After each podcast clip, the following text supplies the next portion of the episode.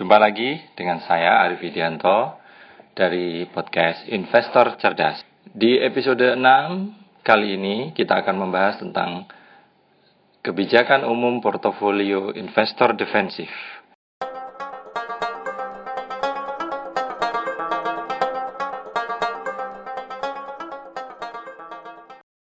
Podcast ini dipersembahkan oleh bulasalju.com. Kita telah sampai di bab 4 buku The Intelligent Investor. Judul bab 4 ini adalah kebijakan umum portofolio, khususnya untuk investor defensif.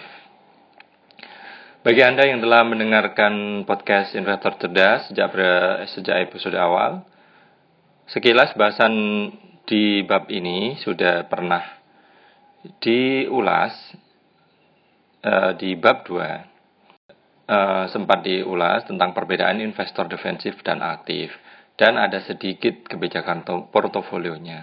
Nah, nah bagi anda yang mungkin sudah mempelajari tentang tentang ya saran-saran kebijakan investasi bagi umum, anda akan menemukan sedikit perbedaan Karakteristik dasar dari suatu portofolio investasi biasanya ditentukan oleh posisi dan karakteristik pemilik atau para pemiliknya. Jadi, di satu sisi, jadi kasarannya jika itu tadi perkataan Graham uh, bisa diartikan begini, katakanlah umumnya kalau karakternya orangnya tahan terhadap resiko, terhadap penurunan sementara, biasanya disarankan ya ke instrumen-instrumen yang dikatakan punya resiko yang cukup besar.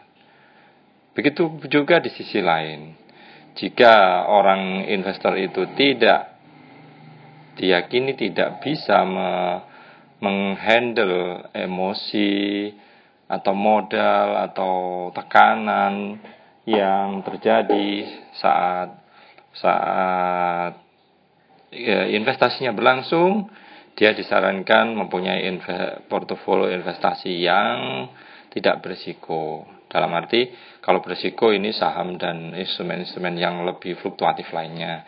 Yang tidak berisiko ya investasi pendapatan yang seperti tetap, apakah bisa deposito atau obligasi dan seterusnya. Begitu ya. Di sisi lain, kalau Anda sudah bisa mengakses penasihat investasi, ya Anda bisa aja memerintahkan mereka maunya portofolio investasi kebijakan Anda itu bagaimana. Cuman, nah ini lagi-lagi bagaimana sih sebaiknya kalau kita oh, kita bicara investor defensif ya. Kalau seseorang sudah bisa mengakses penasihat investasi, ya udah itu urusan lain ya kita kita fokus mereka yang mengurus dananya sendiri eh, atau atau di sisi berpikir bagaimana ia seharusnya mengelola dananya. Ini saya baca lagi dari teks Ram. Prinsip lama yang kokoh bahwa siapa yang tidak mau menanggung risiko harus puas dengan return yang relatif rendah. Ya. Dengan dasar ini berkembang suatu pemikiran rate of return yang ditargetkan oleh investor sebaiknya setara dengan tingkat risiko yang ia hadapi. Tapi Graham bilang, pandangan kami berbeda. Kami Graham ya.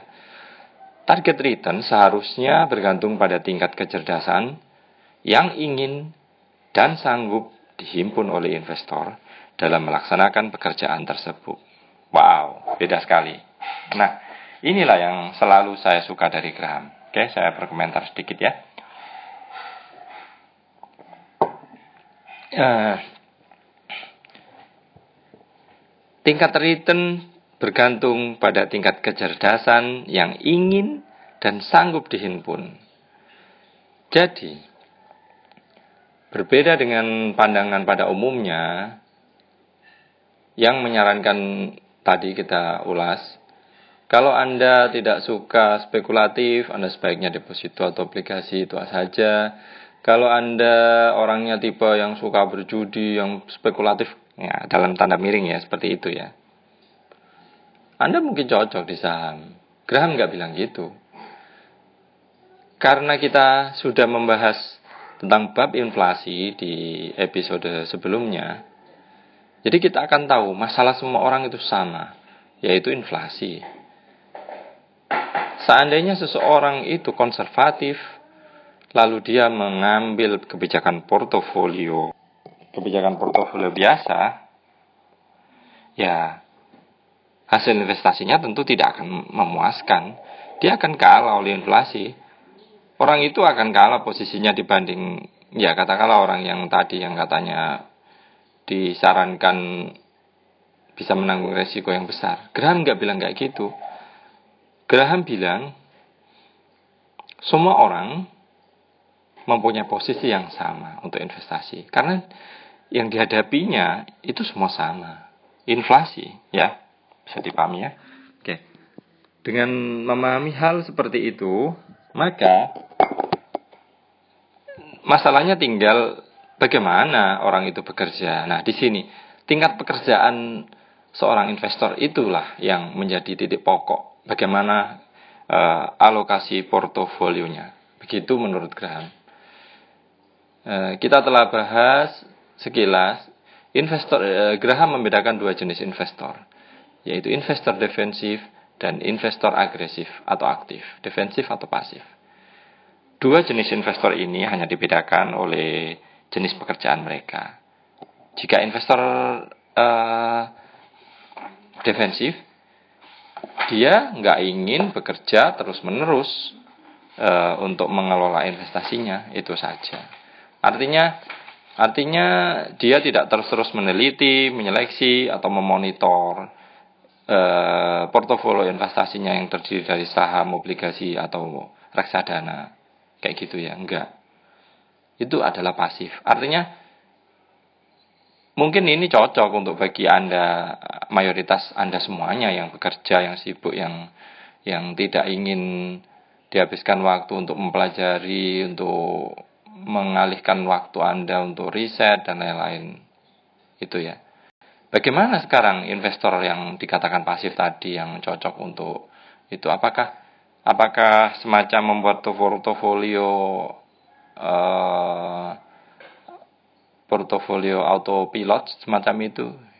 Iya, bisa dikatakan seperti itu. Nah, fokus di bab ini adalah kebijakannya. Untuk orang-orang semacam itu, kebijakannya bagaimana? Nah, kita akan membahasnya. Oke. Tadi di bab 4 yang sudah saya baca adalah di halaman 120 buku The Intelligent Investor terjemahan dari penerbit Serambi yang terbit pada tahun 2007. Nah, di halaman 121.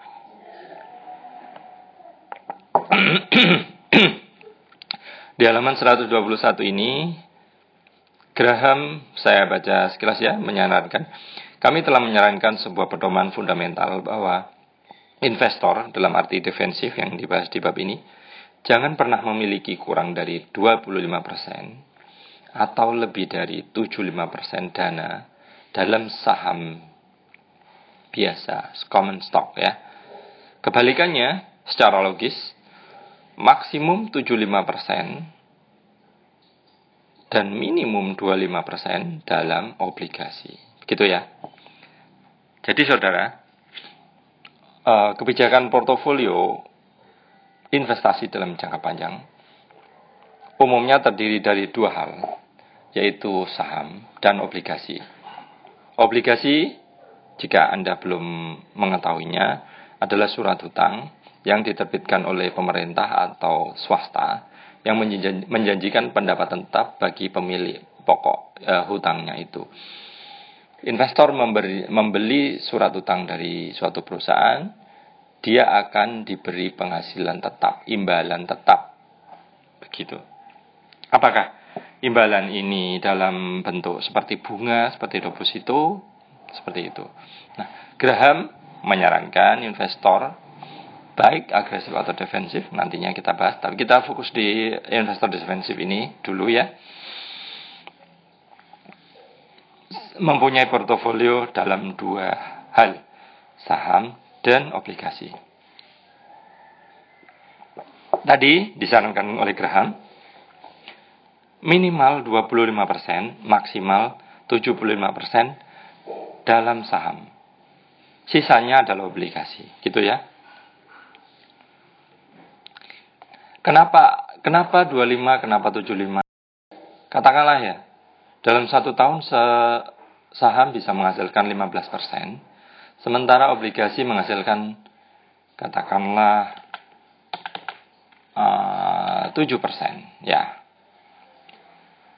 Dengan perbedaan ini saja, jika investor itu mengelola 25% saham di posisi yang sangat konservatif, ia minimal bisa menghasilkan 9% dengan ya 9% per tahun dari posisi uh, kinerja saham yang seperti tadi. Sebaliknya, jika ia mengambil posisi yang lebih lebih percaya diri karena harga-harga saham lagi turun, ia maksimal bisa memperoleh 13%. Nah, selisih 4% ini sangat lumayan ya. Contohnya dalam dalam kalkulasi saya, itu tadi ya, jika 25% dengan kinerja saham 15% dan obligasi 7%, investor itu 9, bisa menghasilkan 9% setahun itu. Di posisi sebaliknya, jika ia mengelola 75% saham dan 25% obligasi, dengan kinerja saham setahun itu 15%, ia bisa memperoleh paling tidak 13%. Dalam 20 tahun dengan 9%, hasil 9% tadi, uang 1 juta itu bisa menghaji, bisa menjadi 5,6 juta. Nah, dengan jika jika investor defensif ini mengambil posisi yang lebih berani yaitu 75% saham, hasilnya 13%, uang 1 juta bisa menjadi 11,5 juta. Nah, di posisi yang ekstrim, jika investor tanpa saham sama, sama sekali, ia hanya bisa menghasilkan 3,8 juta. Itu contohnya ya. Oke. Kita lanjutkan lagi uh, dari yang ditulis Graham. Tapi Graham bilang, aturan-aturan umum yang ada di dalam buku ini selalu lebih mudah diucapkan tapi lebih sulit dilaksanakan. Kenapa? Karena ini bertentangan dengan sifat-sifat manusia yang menjadi penyebab timbulnya pasar bullish dan bearish. Nah, ini masuk akal ya. Uh, ini memang kenyataan. Kalau orang tidak meyakini apa yang di, dianjurkan oleh Graham dan mempercayai data-data yang ia sajikan, mungkin ia ke, katakanlah ya suatu saat pasar saham lagi turun, investor itu ketakutan, investor itu malah justru menarik portofolio sahamnya, bukan bukan malah menaruh saham si Graham malah menyarankan kalau pasar lagi turun, ya dia harus justru di posisi yang 75% saham tadi.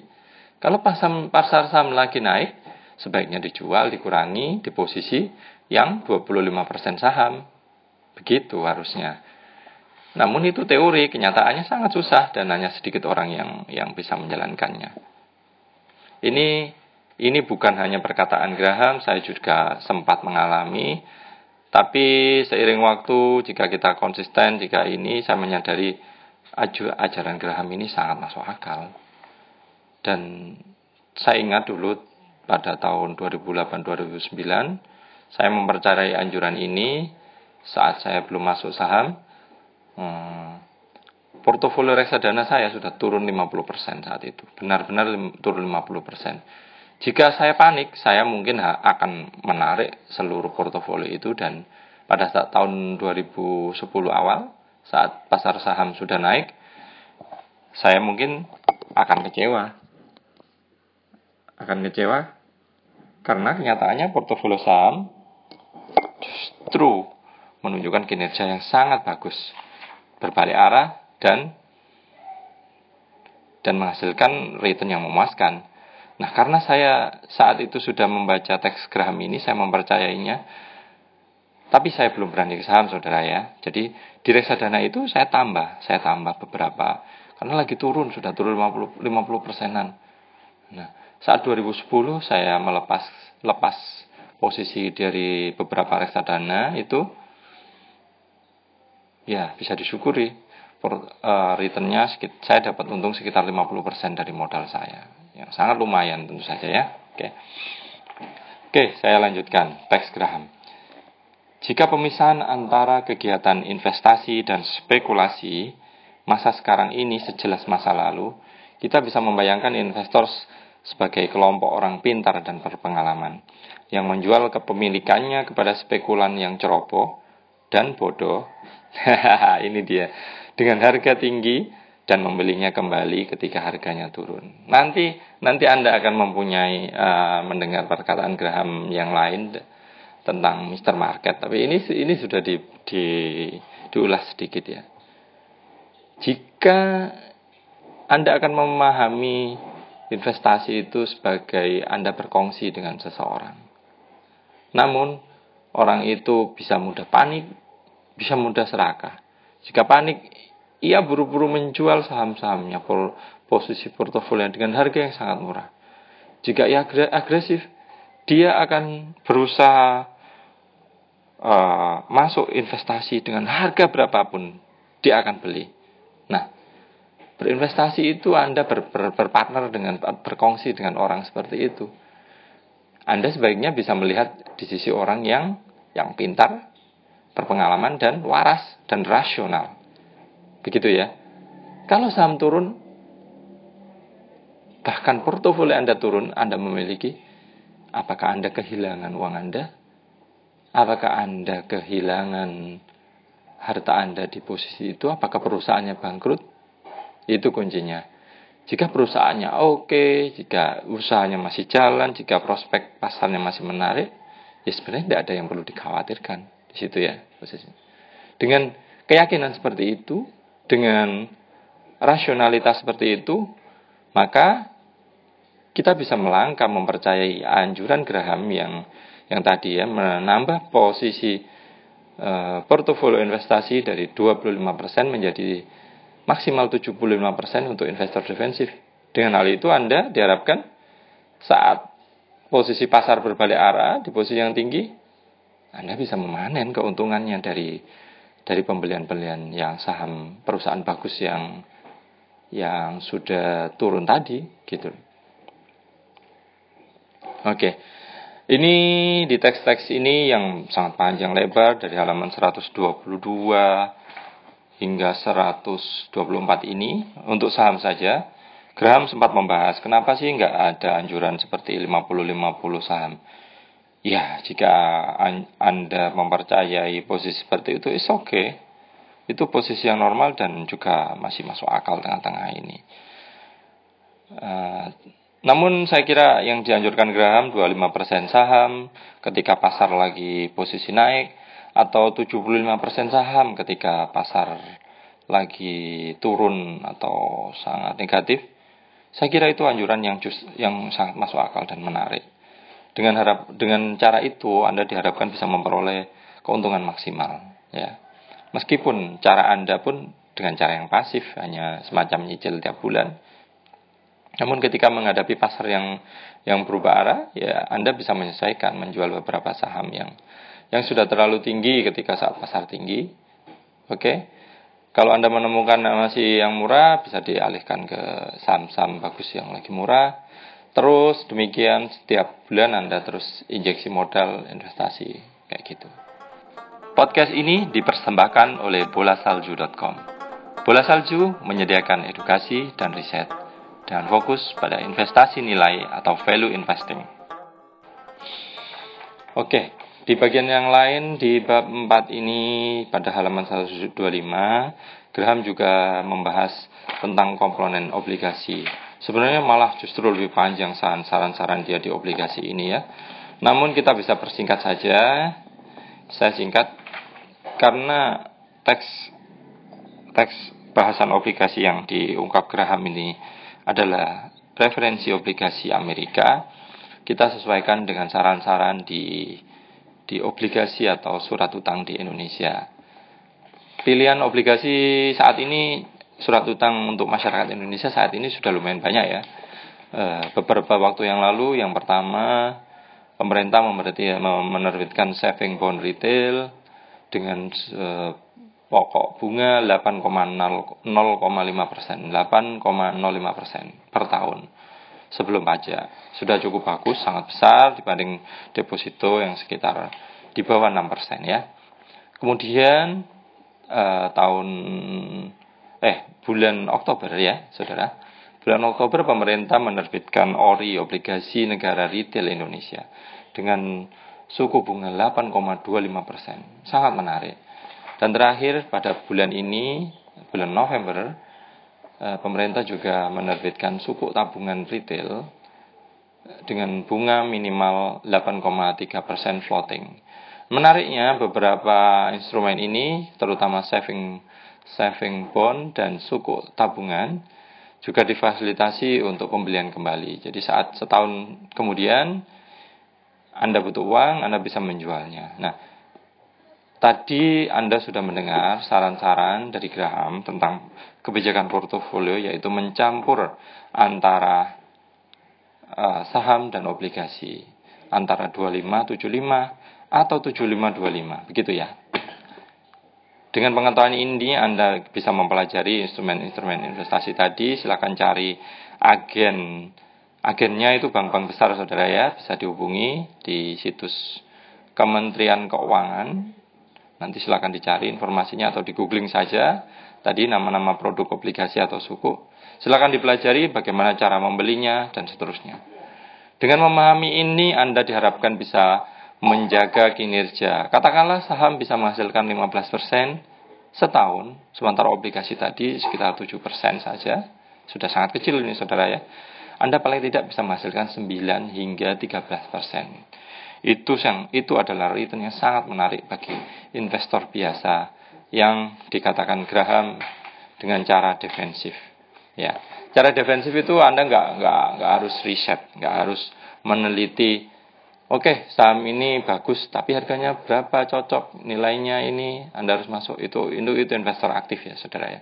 Investor defensif hanya memilih perusahaan-perusahaan besar yang produk-produk dan jasanya terkenal, yang keuangannya kuat, Anda fokus di beberapa perusahaan itu, di beberapa sektor yang Anda yakini cukup mampu me menjaga ya jangan satu sektor ya beberapa sektor biar lebih variatif bisa menjaga hasil investasi Anda. Dan Anda berinvestasi rutin. Anda store uang di rekening Anda belikan saham-saham itu dengan jumlah yang relatif tetap apakah lotnya atau rupiahnya sudah begitu saja.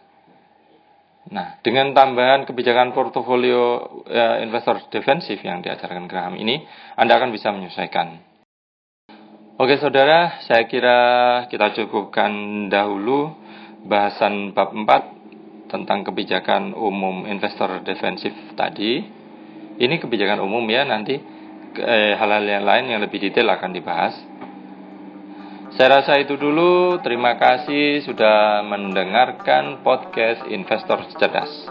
Jika ada saran dan pertanyaan, silahkan kirim kepada kami via formulir kontak di bolasalju.com.